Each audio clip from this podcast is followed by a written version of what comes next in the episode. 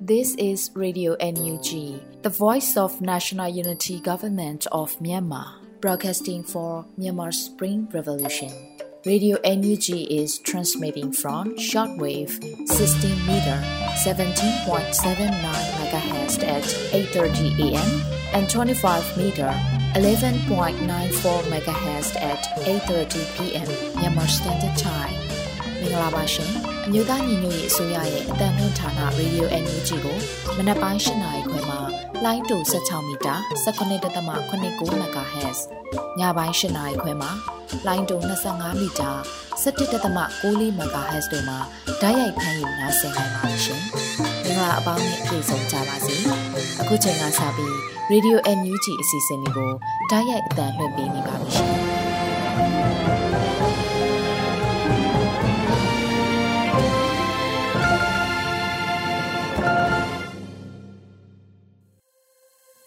န်မာနိုင်ငံသူနိုင်ငံသားအပေါင်းတဘာဝပေးဆရာနာရှင်ပေတို့ကနေကင်းဝေးပြီးကိုစိတ်နှပါဘေးကင်းလုံခြုံကြပါစေလို့ရေဒီယိုအန်ယူဂျီဖွယ်သားများကနေဆုတောင်းမြတ်တာပို့သလာရပါတယ်ရှင်။အခုချိန်ကစပြီးရေဒီယိုအန်ယူဂျီရဲ့စီးရီးသတင်းကောင်းနှုတ်ချက်တွေကိုတော့ Sodes လူနီမှဖတ်ကြားတင်ပြပေးပါတော့မယ်ရှင်။အခုချိန်ရစပြီး2024ခုနှစ်ဇန်နဝါရီလ19ရက်နေ့မနက်ပိုင်းမှာတင်ပြပေးမယ်။ရေဒီယိုအန်ယူဂျီစီးရီးသတင်းများကိုဖတ်ကြားတင်ပြပေးတော့မှာဖြစ်ပါတယ်။ ပထမအဦးဆုံးအနေနဲ့ပလောဝဒေတာအခြေဆိုင်စစ်ကောင်စီရှေ့တန်းဌာနချုပ်မှာတင်ဆက်ရမိတဲ့လက်နက်ခဲယမ်းများကိုအေးအေးထုတ်ပြလိုက်တဲ့သတင်းကိုတင်ပြပေးသွားပါမယ်။ချင်းပြည်နယ်ပလောဝဒေတာမှာအခြေစိုက်တဲ့စစ်ကောင်စီရှေ့တန်းစခန်းကတင်ဆက်ရရှိခဲ့တဲ့လက်နက်ခဲယမ်းနဲ့စစ်သုံးရင်တွေကိုရခိုင်တပ်မတော် AA ကဇန်နဝါရီလ18ရက်နေ့မှာထုတ်ဖော်ပြသလိုက်ပါတယ်။ ပလောဝဒေတာအခြေဆိုင်ကျန်းဖတ်ဖက်စစ်စစ်ကောင်စီတပ်ရဲ့ရှေ့တန်းတပ်မဌာနချုပ်ဖြစ်သောခလာရ289စက္ကခ19တို့ဟာရခိုင်တပ်မတော်ကအပိသက်သိမ်းပိုက်လိုက်ပြီးနောက်သိမ်းဆဲရရှိခဲ့တဲ့လက်နက်ခဲယမ်းများနဲ့စစ်သုံးဆောင်ပစ္စည်းများကိုဓာတ်ပုံမှတ်တမ်းနဲ့တကွာထုတ်ဖော်ပြသလိုက်တာဖြစ်ပါတယ်။ပလောဝမြို့ဝင်းကျင်မှာရှိတဲ့ခလာရ289တပ်ရင်းဌာနချုပ်စက္ကခ19ရှေ့တန်းတပ်မဌာနချုပ်နဲ့တပ်မ17လက်အောက်ခံတပ်ရင်းတွေဟာပလောဝမြို့ကိုဗဟိုပြုပြီးတပ်ဖြန့်ထားတာဖြစ်တယ်လို့သိရှိရပါတယ်။ ခလာရ28ကိုတရင်ဌာနချုပ်ဟာပလောဝဒေတာတစ်ခုလုံးမှာရှိတဲ့စစ်ကောင်စီတပ်စခန်းအားလုံးကိုစီမံခန့်ခွဲပြီးအမိန်ပေးကွက်ကဲနေတဲ့အဓိကတပ်မဌာနချုပ်တစ်ခုဖြစ်ပြီးတပ်မမှုများပူးတွဲကြီးကြပ်ကွက်ကဲနေတဲ့စစ်ဖြူဟာကုန်းကြီးဖြစ်တယ်လို့လည်း AA ကအတည်ပြုထားပါတယ်ပလောဝမြို့နယ်တစ်ခုလုံးမှာရှိတဲ့စစ်ကောင်စီတပ်စခန်းအားလုံးကိုဇန်နဝါရီလ14ရက်နေ့မှာရခိုင်တပ်မတော် AA ကအပိသက်တိုက်ခိုက်သိမ်းပိုက်နိုင်ခဲ့ပြီဖြစ်ပါတယ်။ ချင်းပြည်နယ်ပလောဝမြို့နယ်တကူလုံးမှာရှိတဲ့ချမ်းဖက်စစ်ကောင်စီတပ်စခန်းအားလုံးကိုတိုက်ခိုက်သိမ်းပိုက်ပြီးတဲ့နောက်ပလောဝမြို့နယ်တကူလုံးစစ်တပ်ကင်းစင်နေမြေဖြစ်ခဲ့ပြီလို့ရခိုင်တပ်မတော် AA ကဇန်နဝါရီလ14ရက်နေ့မှာကြေညာထားပါတယ်ခင်ဗျာ။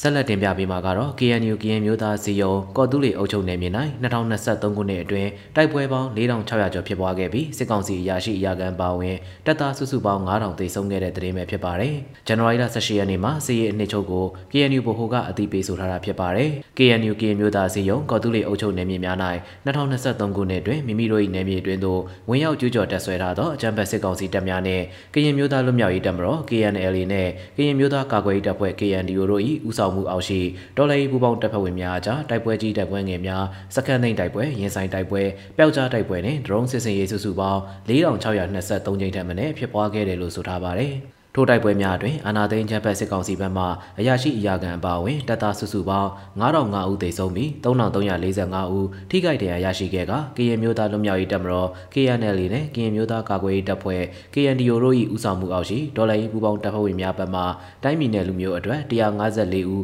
မြင့်မြတ်စွာအသက်ပေးလူခဲ့ရပြီး998ဦးထိခိုက်ဒဏ်ရာရရှိခဲ့ပါတယ်။ တိုက်ပွဲများအတွင်ဖက်ဖက်မှရှုံးနိမ့်လာရသောအာဏာသိမ်းချမ်းဖက်စစ်ကောင်စီတပ်များမှလည်းပြည်သူလူထုအားအညှို့ကြီးစွာရန်သူတစ်ဖွဲ့ပြစ်မှတ်ထားပြီးလက်နက်ကြီးပစ်ခတ်တိုက်ခိုက်မှုများလေကြောင်းတိုက်ခိုက်မှုများနဲ့အမျိုးမျိုးသောချမ်းဖက်လုပ်ရများကိုတနေ့တခြားတိုးမြင့်လှုံ့ဆော်လာသည့်အတွက်ကော်တူးလီအုပ်ချုပ်နယ်မြေတွင်2021ခုနှစ်မှ2023ခုနှစ်အထိနေရက်ဆွန့်ခွာထွက်ပြေးတိမ်းရှောင်နေရသူ9,5669ရှိလာပြီဖြစ်ကြောင်းသိရှိရပါတယ်ခင်ဗျာ။ ကရင်ပြည်နယ်မြောက်ရီမြို့လက်ခတ်တောင်ကိုအကြမ်းဖက်စစ်တပ်ကလေကြောင်းကနေထပ်မံဘုံကျဲချတဲ့တဲ့ရင်ကိုတင်ပြပေးသွားပါမယ်။ဇန်နဝါရီလ18ရက်နေ့ညမှာစစ်ကောင်စီဘက်ကကရင်ပြည်နယ်မြောက်ရီမြို့လက်ခတ်တောင်ကိုလေရင်နဲ့ဘုံကျဲချခဲ့ရမှာမြေကြီးတုန်ခါမှုပဲရှိကြောင်းဒေသခံသတင်းအရေးမြင့်များထံကသိရှိရပါတယ်။အဆိုပါပုံကျဲမှု၏အတန်ကိုခန်းစားရကြောင်းထိုင်းနိုင်ငံဘက်ခြမ်းလူမှုကယ်ဆယ်ရေးအဖွဲ့လှုပ်ရှားသူများကလည်းလူမှုကွန်ရက်မှာရေးသားထားကြပါတယ်။ရခိုင်ရက်များကလည်းလက်ခတ်တောင်အနီးစစ်ကောင်စီတပ်မှလေကြောင်းတိုက်ခိုက်မှုများရက်ဆက်လာရောက်တိုက်ခိုက်ခဲ့ပါတယ်။ လက်ခတ်တောင်ပေါ်ရှိစကန်ကုန်းသို့ကရင်မျိုးသားစီယုံ KNU လောက်ခံတပ်များနဲ့အမျိုးသားညီညွတ်ရေးဆိုရ NUG ရဲ့ပြည်သူ့ကာကွယ်ရေးတပ်မတော် PDF တို့ပူးပေါင်းက2023ခုနှစ်ဇူလိုင်လအကုန်တွင်တိမ့်ပိုက်ထားခြင်းဖြစ်ကြောင်းသိရှိရပါတယ်ခင်ဗျာမိုးမိန်မြို့အုံကျော်ရွှေစာလီရွာနီးတဝိုက်ကိုစစ်ကောင်စီကလေကြောင်းတိုက်ခိုက်မှုပေါင်း18ကြိမ်လာရောက်တိုက်ခိုက်ခဲ့တဲ့တဲ့ရင်ကိုဆက်လက်တင်ပြပေးပါမယ်။ တအောင်ပြည်နယ်တပ်မဟာ3စစ်ဒေသမုံမိတ်မြို့နယ်စစ်ကောင်စီတပ်မှဇန်နဝါရီလ18ရက်တရက်အတွင်းနနက်8:49မိနစ်မှနေ့လယ်12:28မိနစ်အချိန်ထိမုံမိတ်မြို့အုံကျော်ရွှေစာလီရွာနီတဝိုက်တွင် Jet Fighter များဖြင့်8ကြိမ် ARD 72ဖြင့်3ကြိမ် Y12 ဖြင့်5ကြိမ်လာရောက်ပစ်ခတ်တိုက်ခိုက်ခဲ့တယ်လို့သိရှိရပါတယ်။ ပြီးခဲ့တဲ့ဇန်နဝါရီလ17ရက်နေ့မှာလည်းအပြစ်ခတ်ရက်စဲလက်မှတ်ရေးထိုးပြီးနောက်ဇန်နဝါရီလ18ရက်နေ့ထိစစ်ကောင်စီတပ်မှမိုးမိတ်ကြောက်မဲမိုးကုတ်လာရှုံမြို့နယ်များသို့လက်နက်ကြီးများဖြင့်လေကြောင်းမှတိုက်ခိုက်မှုပြုလုပ်လျက်ရှိပါတယ်။စစ်ကောင်စီရဲ့လုပ်ရဟာအပြစ်ခတ်ရက်စဲလက်မှတ်ကိုအကြိမ်ကြိမ်ချိုးဖောက်ခြင်းဖြစ်တယ်လို့တအောင်းတပ်မတော်ကဆိုထားကြောင်းသိရှိရပါတယ်ခင်ဗျာ။မိုးမိတ်မြို့ရဲစခန်းနဲ့ဌာနဆိုင်ရာရုံးများကို KIA PDF ပူးပေါင်းတပ်ဖွဲ့များတင်ပိုက်လိုက်တဲ့တဲ့တင်ကိုတင်ပြပေးသွားပါမယ်။ ရှမ်းပြည်နယ်မြောက်ပိုင်းမိုးမိတ်မြို့ရှိရဲစခန်းကို KIA PDF ပူးပေါင်းတပ်ဖွဲ့ကဇန်နဝါရီလ18ရက်နေ့နေ့လယ်12နာရီအချိန်မှာသိမ်းပိုက်နိုင်ခဲ့တယ်လို့မြေပြင်သတင်းရင်းမြစ်များကပြောကြားခဲ့ပါတယ်။ဇန်နဝါရီလ18ရက်နေ့မနက်6နာရီခန့်ကစတင်ပြီးမိုးမိတ်မြို့အနီးရှိအာတန်ရွှေစာလီနဲ့အုံကျော်ရွာတို့မှာစစ်ကောင်စီတပ်နဲ့ KIA PDF တို့တိုက်ပွဲဖြစ်ပွားခဲ့ပြီးစစ်ကောင်စီကလေကြောင်းအုံပြုတ်တိုက်ခိုက်ခဲ့တယ်လို့လည်းသိရှိရပါတယ်။အခုလောလောဆယ်ကရဲစခန်းကိုပူးပေါင်းအဖွဲ့ကထိန်းချုပ်လိုက်ပြီးကျန်တဲ့ဌာနဆိုင်ရာအားလုံးလည်းပါဝင်ပါတယ်။ စစ်တပ်ရဲ့တပ်စခန်းခလာရ213 206 348တပ်စခန်းတို့ကိုဆက်တိုက်နေပါတယ်လို့ပူပေါင်းဖန်တဲ့နီးစပ်သူများက18ရက်နေ့နေ့လယ်က MBN မီဒီယာကိုဖြေဆိုထားတာဖြစ်ပါတယ်။တိုက်ပွဲတွင်စစ်ကောင်စီဘက်မှလေးချောင်းအုံပြုပြီးဘုံသုံးလုံးကျဲချတိုက်ခိုက်ခဲ့တာကြောင့်နေအိမ်များပြားပျက်စီးခဲ့ပြီးလက်နက်ကြီးပစ်ခတ်မှုများကြောင့်နေအိမ်တစ်လုံးနဲ့ရုပ်ရှင်ရုံအဟောင်းတကူမိလောင်ခဲ့တယ်လို့လည်းဒေသခံတွေထံကသိရှိရပါတယ်။ စစ်ကောင်စီတပ်ရဲ့လက်နက်ကြီးလေကြောင်းတိုက်ခိုက်မှုများကြောင့်ဒေသခံအရက်သားပြည်သူများထိခိုက်ဒဏ်ရာရရှိမှုအသေးစိတ်ကိုတော့မသိရှိရသေးကြောင်းသတင်းများရရှိခဲ့ပါရခင်ဗျာဆက်လက်တင်ပြပေးမှာကတော့ရေစကြိုမျိုးရှိထွေးဦးယုံနဲ့စစ်မှုထမ်းဟောင်းယုံတို့ကိုတိုက်ခိုက်မှုမှာစစ်သား၄ဦးသေဆုံးက6ဦးဒဏ်ရာရခဲ့တဲ့သတင်းပဲဖြစ်ပါတယ်။မကွေးတိုင်းရေစကြိုမြို့မှာရှိတဲ့မြို့နယ်ထွေတွေအုပ်ချုပ်ရေးမှုယုံနဲ့စစ်မှုထမ်းဟောင်းယုံကိုပြည်သူ့ကာကွယ်ရေးပူးပေါင်းဖွဲ့ကတိုက်ခိုက်ခဲ့ရမှာစစ်ကောင်စီတပ်ဖွဲ့ဝင်၄ဦးသေဆုံးပြီး6ဦးဒဏ်ရာရရှိသွားတယ်လို့ မြင်းကြံ Black Tiger MPD ကထုတ်ပြန်ထားပါတယ်။စစ်ကောင်စီတပ်ဖွဲ့တွေတပ်ဆွဲရနေရဖြစ်တဲ့ ရုံမောင်းဆောင်ထွေထွေအုပ်ချုပ်ရေးရုံးနဲ့ငိမ့်စာနီမြေရှိတဲ့စစ်မှုထမ်းအောင်ရုံးကိုဇန်နဝါရီလ18ရက်နေ့မနက်6နာရီချိန်မှာတပြိုင်နက်တိုက်ခိုက်ခဲ့တယ်လို့သိရှိရပါတယ်။အဆိုပါတိုက်ခိုက်မှုမှာတော်လိုင်းအင်အားစုများဘက်ကစစ်ရေးအရအသာစီးရပြီးငိမ့်စာနီတပ်စခန်းသိမ်းပိုင်နိုင်တော့မယ့်အချိန်မှာစစ်တပ်ဘက်ကအင်အားဖြည့်စစ်ကြောင်းနဲ့ထပ်မံတိုက်ပွဲဖြစ်ပွားခဲ့တာကြောင့်တိုက်ပွဲကြာချိန်2နာရီခန့်ကြာမြင့်ခဲ့တယ်လို့ပြောကြားခဲ့ပါတယ်။စစ်ကောင်စီဘက်ကအထီးကိုက်များပေမဲ့ခန့်စစ်အနေထားကောင်းခြင်းနဲ့ခိုင်မာစောက်ထားတဲ့ဘန်ကာတွေကတိုက်ခိုက်နေတာကြောင့်တိုက်ပွဲချိန်ကြာမြင့်ခဲ့တာဖြစ်တယ်လို့လည်းသိရှိရပါတယ်။ အဲ့ဒီတိုက်ပွဲမှာစစ်ကောင်စီတပ်သား၄ဦးသေဆုံးပြီး6ဦးဒဏ်ရာရသွားတယ်လို့ MPD တပ်ဖွဲ့ဘက်ကစစ်ကြောင်းမှုဆရာကရင်နဲ့ထိန်းသိမ်းရေးခေါင်းဆောင်ရဲဘော်33တို့ထိခိုက်ဒဏ်ရာရခဲ့တယ်လို့လည်းသိရှိရပါတယ်။အဆိုပါစစ်စင်ရင်ကို MPD တပ်ဖွဲ့ LYPDF ဗိုလ်60 Bright Star Group LPDF Royal Eagle People Defense Force ဗိုလ်60ပျောက်ကြားတပ် NYSO ရွှေညာမြေအထူးကမန်ဒိုတပ်ဖွဲ့ TPG ပျောက်ကြားတပ်ဖွဲ့သွေးတောက်တပ်ဖွဲ့တို့ပူးပေါင်းတိုက်ခတ်ခဲ့တာဖြစ်ကြောင်းသိရှိရပါတယ်ခင်ဗျာ။ ရေစကြိုဒေသခံ30ကျော်ကိုလူသားတိုင်းဖြစ်စစ်ကောင်စီကဖမ်းဆီးထားတဲ့တဲ့ရင်ကိုဆက်လက်တင်ပြပေးပါဦးမယ်။မကွေးတိုင်းရေစကြိုမြို့နယ်မှာဒေသခံပြည်သူ30ကျော်ကိုစစ်ကောင်စီတပ်ကလူသားတိုင်းဖြစ်ဖမ်းဆီးထားတယ်လို့ရေစကြိုပကဖသတင်းပြန်ကြားရေးတာဝန်ခံကပြောကြားခဲ့ပါတယ်။စစ်ကောင်စီတပ်ကမြိုင်မြို့နယ်လင်္ကတော်ရဲစခန်းသို့တွားရောက်ရန်အတွက်ဇန်နဝါရီလ12ရက်နေ့ကစပြီးရေစကြိုခလာရ2568မှာဖြတ်တန်းသွားလာနေတဲ့ပြည်သူများနဲ့ဇီရောပြူရွာအနီးရှိဆယ်ရောရွာမှပြည်သူများကိုဖမ်းဆီးကလူသားတိုင်းဖြစ်အုံချနေတယ်လို့၎င်းကဆိုထားပါသေးတယ်။ ဇန်နဝါရီလ14ရက်နေ့မနက်9:00နာရီခန့်ကအဆိုပါဖမ်းဆီးထားတဲ့ဒေသခံများကိုလူသားတိုင်းဖြင့်အုံပြုပြီးမြိုင်လင်းကတော်ရဲစခန်းကိုတက်လာတဲ့အင်အား40ပါစစ်ကောင်စီစစ်ကြောင်းကိုရဲစခန်းသို့မရောက်ခင်ကြားဖြတ်တိုက်ခိုက်ခဲ့တယ်လို့ PDF ရဲဘော်တို့ကပြောထားပါတယ်။၎င်းစစ်ကြောင်းကိုလက်နက်ကြီးလက်နက်ငယ်ဒရုန်းတို့ဖြင့်တိုက်ခိုက်ခဲ့တာဖြစ်ပြီးပြူတအုပ်သေဆုံးက9ဦးဒဏ်ရာအပြင်းထန်ရရှိခဲ့တယ်လို့၎င်းကဆက်ပြောပါတယ်။၎ င်းစစ်ကြောင်းရှိရာတိုက်ခိုက်ခံရပြီးနောက်ဖမ်းဆီးထားတဲ့ပြည်သူများနဲ့အတူလင်္ကာတော်ရဲစခန်းအတွင်းဝင်သားခဲ့ပြီးဇန်နဝါရီလ18ရက်နေ့ထိရဲစခန်းထဲမှာပဲရှိနေဆဲဖြစ်တယ်လို့သိရှိရပါတယ်။အဆိုပါတိုက်ခိုက်မှုမှာဖမ်းဆီးခံပြည်သူများထိခိုက်မှုမရှိပေမဲ့ဒီနေ့ထိပြည်သူတွေကိုပြန်မလွှတ်သေးဘူးလို့ဆိုထားပါတယ်။အဆိုပါတိုက်ခိုက်မှုကိုရေစကြိုပကဖပကုတ်ကုခရိုင်တရင်ကိုတို့ပူးပေါင်းဆင်နွှဲတာဖြစ်တယ်လို့သိရှိရပါတယ်ခင်ဗျာ။ လွိုင်းကော်ချင်းထောင်တွင်ရှိစစ်ကောင်စီတပ်သားတွေပြည်သူနဲ့ပူးပေါင်းကြဖို့ဗိုလ်ကြီးနေမျိုးစင်ဖိတ်ခေါ်မှုကိုလက်နက်ကြီးနဲ့ပစ်ခတ်ပြီးတုံ့ပြန်လိုက်တဲ့တဲ့ရင်ကိုတင်ပြပေးသွားပါမယ်။ကရင်ပြည်နယ်လိုင်းကောအချင်းထောင်တွင်းရှိစစ်ကောင်စီတပ်သားတွေအနေနဲ့ပြည်သူနဲ့ပူးပေါင်းဖို့ဇန်နဝါရီလ18ရက်နေ့နနက်ပိုင်းကစစ်တပ်အရာရှိဟောင်းဗိုလ်ကြီးနေမျိုးစင်ကဖိတ်ခေါ်ကမ်းလှမ်းခဲ့ရမှာအကြမ်းဖက်စစ်သားတွေကလက်နက်ကြီးနဲ့ပစ်ခတ်ပြီးတုံ့ပြန်ခဲ့ပါတယ်။ခမရတို့ပြစ်တာကျွန်တော်တို့ရဲ့ မလှမ်းမကန်းကိုတော့ရောက်ပါတယ်ဒါပေမဲ့အဝေးကြီးပါကျေးဇူးတင်ပါတယ်ရဲဘော်တို့ခမရတို့အခုလိုကျွန်တော်တို့ရဲ့တောင်းဆိုချက်ကိုပြတ်သားစွာတုံ့ပြန်တဲ့အတွက်ကြောင့်ကျွန်တော်တို့ကလည်းစိတ်မကောင်းဝမ်းနေရပါတယ်ကျွန်တော်တို့ကမ်းလှမ်းနေတာဟာခမရတို့အသက်ရှင်ဖို့နဲ့မိသားစုဆက်လက်ရှင်သန်နေထိုင်ခွင့်ရတော့အောင်ကျွန်တော်တို့ကြိုးစားနေတာဖြစ်ပါတယ်လို့စစ်တပ်အရာရှိဟောင်းဗိုလ်ကြီးနေမျိုးစင်ကအကျဉ်းတော်တွင်ရှိစစ်ကောင်စီတပ်သားတွေကိုပြောကြားခဲ့ပါတယ် စစ်တပ်အရာရှိဟောင်းဗိုလ်ကြီးနေမျိုးစင်ဟာလိုင်းကောချင်းထောင်နီးဝန်းကျင်ရှိအဆောက်အုံတွင်မှအတန်ချဲဆက်တဲ့စစ်ကောင်စီတပ်သားတွေကိုကမ်းလှမ်းခဲ့ရမှာအနီးပတ်ဝန်းကျင်ကိုလက်နက်ကြီးကြီးပောက်ကွဲပြီးအဆောက်အုံပိုင်းစားချို့ဗိုလ်ကြီးနေမျိုးစင်ကိုထိမှန်သွားတာကိုဗီဒီယိုထဲမှာတွေ့မြင်ခဲ့ရတာဖြစ်ပါတယ်ခင်ဗျာအခုတင်ပြခဲ့တဲ့စည်ရေးသတင်းကောင်းထုတ်ချက်တွေကိုတော့ Radio NUG သတင်းတောက်မင်းတရန်ကိုခန့်နဲ့မင်းစစ်သူတို့ကပေးပို့ထားတာဖြစ်ပါတယ်ကျွန်တော်စောတဲလူနေပါ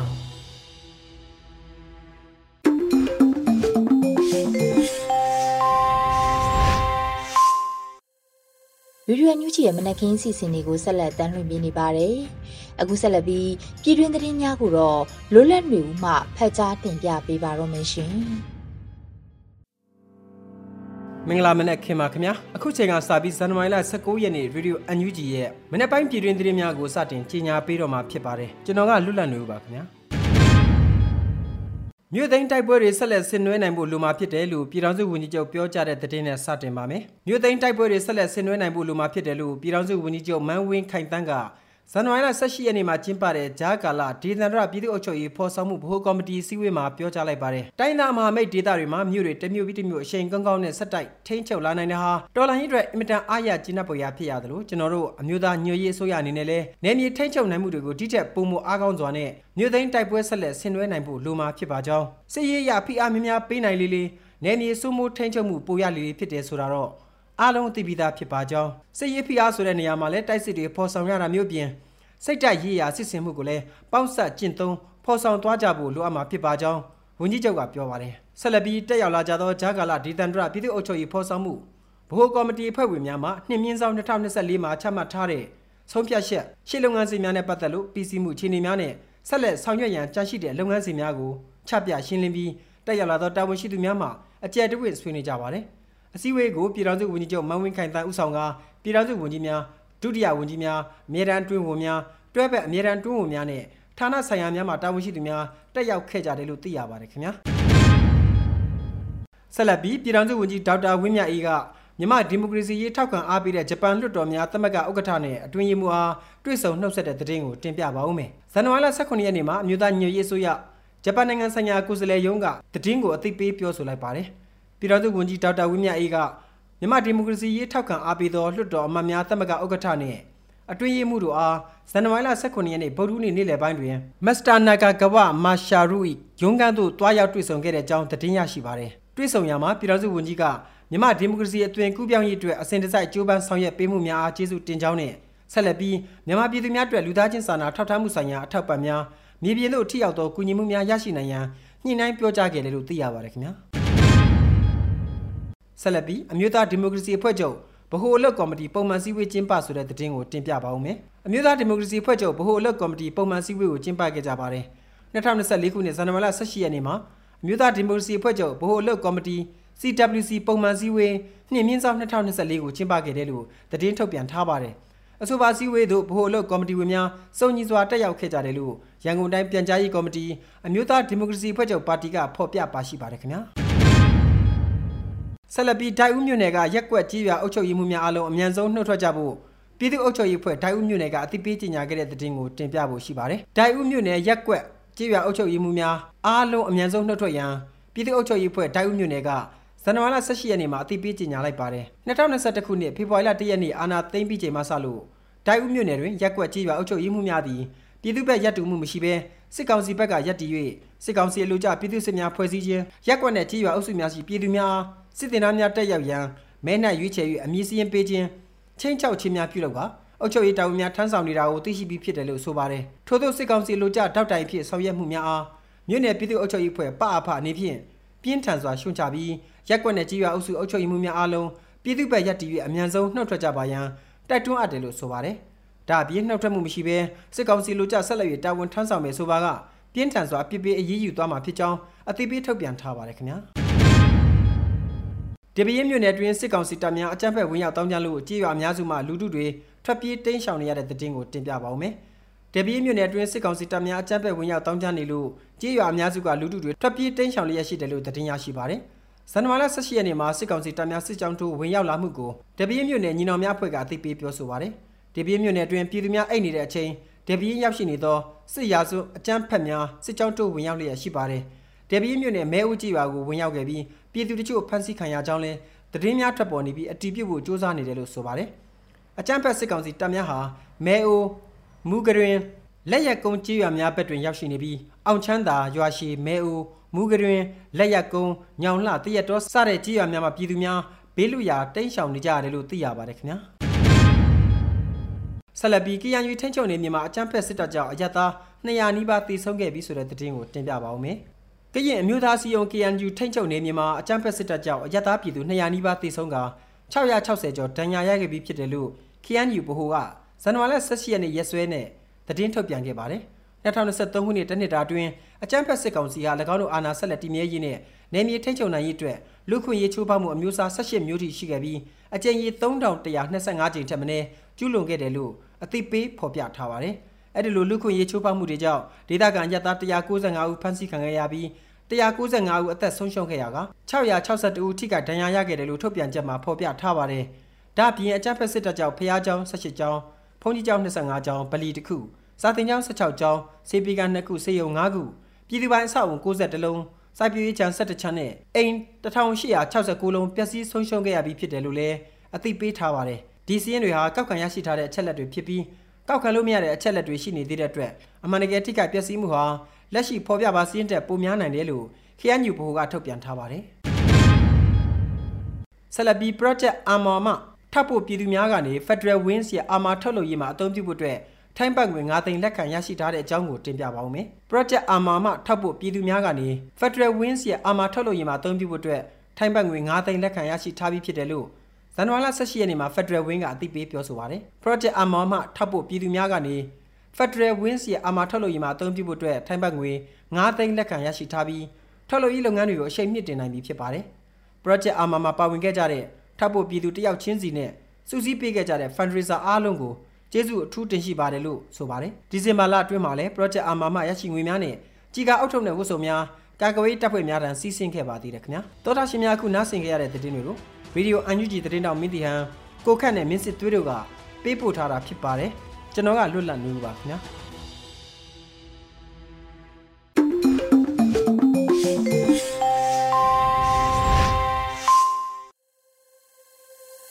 ရေဒီယိုညူးကြီးကိုနာတော်တာဆင်နေတဲ့ပရိသတ်များရှင်အခုတစ်ခါနားဆင်ကြရမှာကတော့တော်လှန်ရေးကြပြအနေနဲ့စူဘိုးမိရေးသားပြီးနှွေဦးမှုရွတ်ဖက်ထားတဲ့ပျော်ရွှင်ပါရဲ့လားလို့အမည်ရတဲ့တော်လှန်ရေးကြပြကိုနားဆင်ကြရတော့မှာဖြစ်ပါတယ်ရှင် မေကွန်းကနိုင်ငံတော်နဲ့ဆိုင်လာပြီမပျော်ပါနိုင်သောနှလုံးသားများနဲ့မရွှင်လန်းလိုသောခန်းစားချက်များကသာလိုအပ်သောတယံစာတတွေဖြစ်ခဲ့ပြီရရှိထားသောအောင်မြင်မှုတွေဖြစ်ခဲ့ပြီချစ်ချင်းကိုဆက်လက်ထွန်းညှိဖို့လောင်စာတွေဖြစ်ခဲ့ပြီပျော်ရွှင်ပါရဲ့လား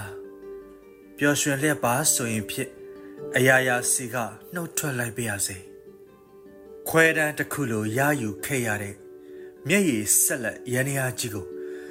နှလုံးရည်ရေချိန်နဲ့သာမနာရန်မောင်းနေရအောင်မမို့ခမည်းလဲလေးလံခွင့်ရှိပါတယ်အငိုအားလုံးဆုံးသွားတဲ့တနေ့မမေ့သေးတဲ့ရှင်တန်မှုမျိုးနဲ့ပြန်ဆောင်ကြတဲ့အခါအရင်ဆုံးပြုံးပြဖို့သာဆန္ဒပြုထားခဲ့ပါမယ်လက်သီးစုပ်ထဲမှာထည့်ထားသမျှ ကျက်ဆက်နာကျင်မှုတွေကြီးပဲမှုလေပြင်းတစ်ချက်လဲအထိမခံနိုင်တာကိုနားလဲပါကြကြနနပတ်သက်ထားရတဲ့အော်နှလုံးနာစရာကာလကြီးထဲမှာကျင်နာပွဲစကားမဆိုဖြစ်တာကိုလည်းခွင့်လွတ်ပါစုပူမိ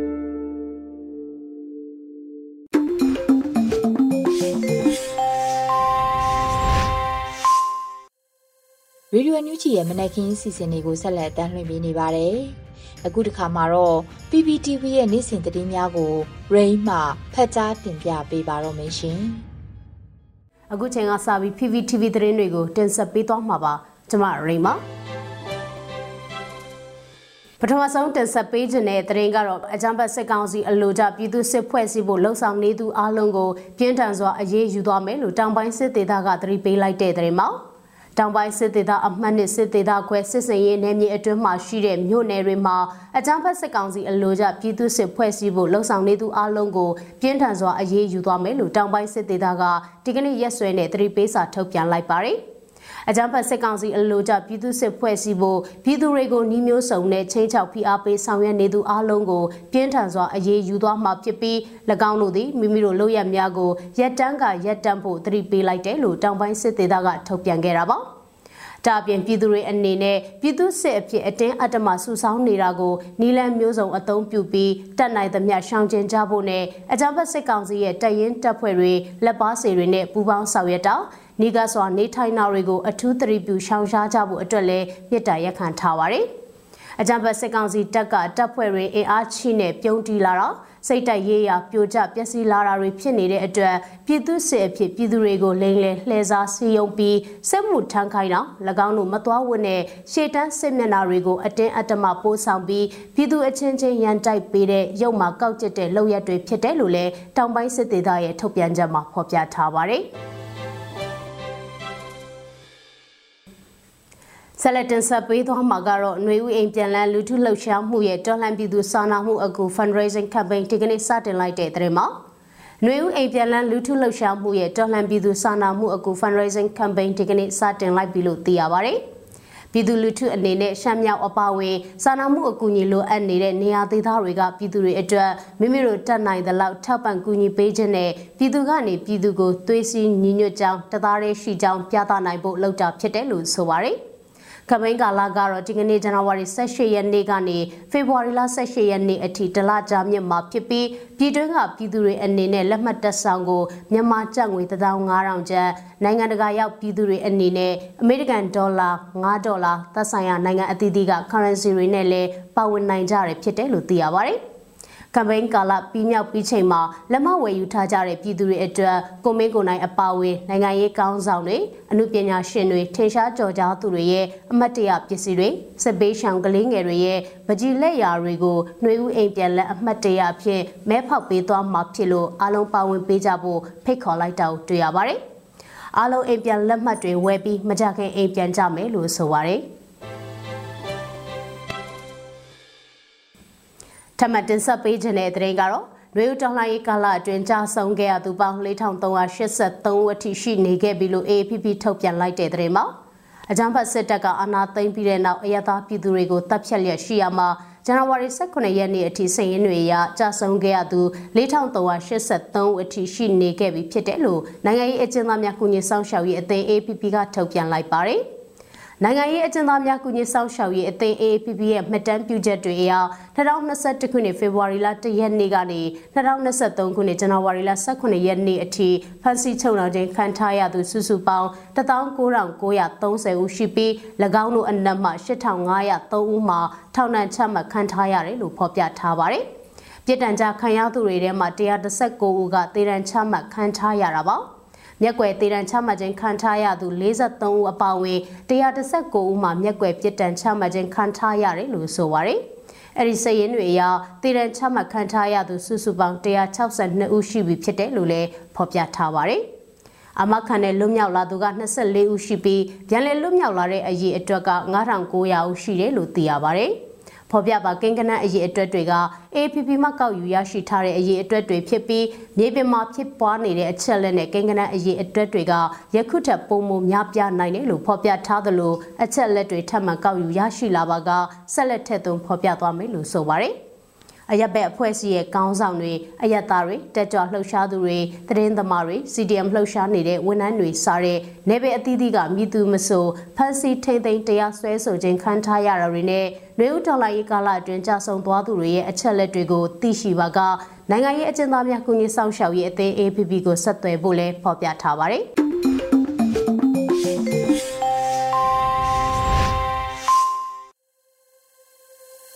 တော်တာရှင်များရှင် အခုနောက်ဆုံးအနေနဲ့တော်လှန်ရေးတိဂီတာအစီအစဉ်မှာတော့တေးဆိုများဖြစ်ကြတဲ့အိုင်ဇာဖုံမြင့်မောင်နဲ့ဒေးဗစ်ထိုက်တို့တီးဆိုထားတဲ့ရှေ့ဆက်ကြမယ်လို့အမည်ရတဲ့တော်လှန်ရေးတိဂီတာကိုနားဆင်ကြရတော့မှာဖြစ်ပါတယ်ရှင်။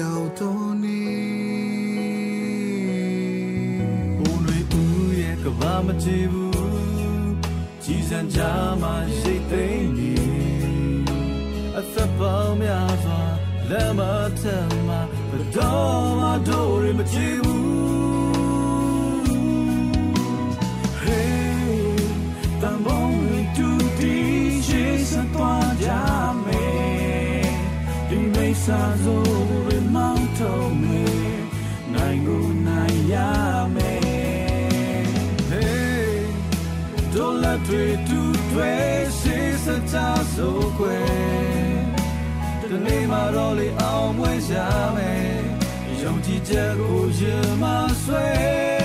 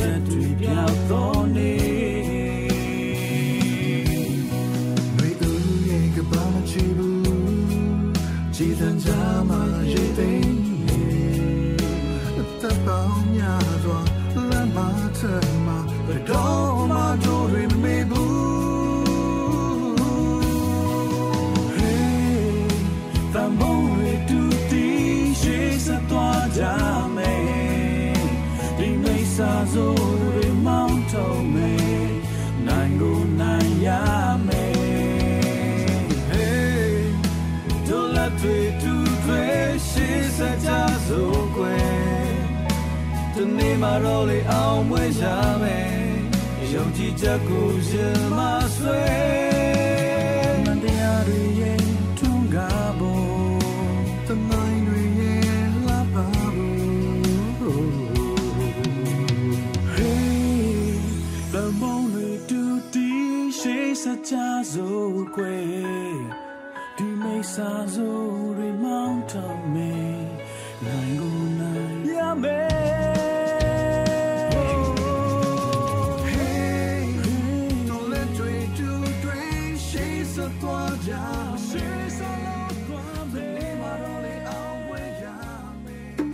ဒီကနေ့ကတော့ဒီညနဲ့ပဲ Radio NUG ရဲ့အစီအစဉ်လေးကိုခਿੱတရနာလိုက်ပါမယ်ရှင်။ မြမစံတော်ချိန်မနက်၈နာရီခွဲနဲ့ည၈နာရီခွဲအချိန်တွေမှာပြန်လည်ဆုံတွေ့ကြပါစို့။ Radio NUG ကိုမနက်ပိုင်း၈နာရီခွဲမှာလိုင်းတူ16မီတာ19.89 MHz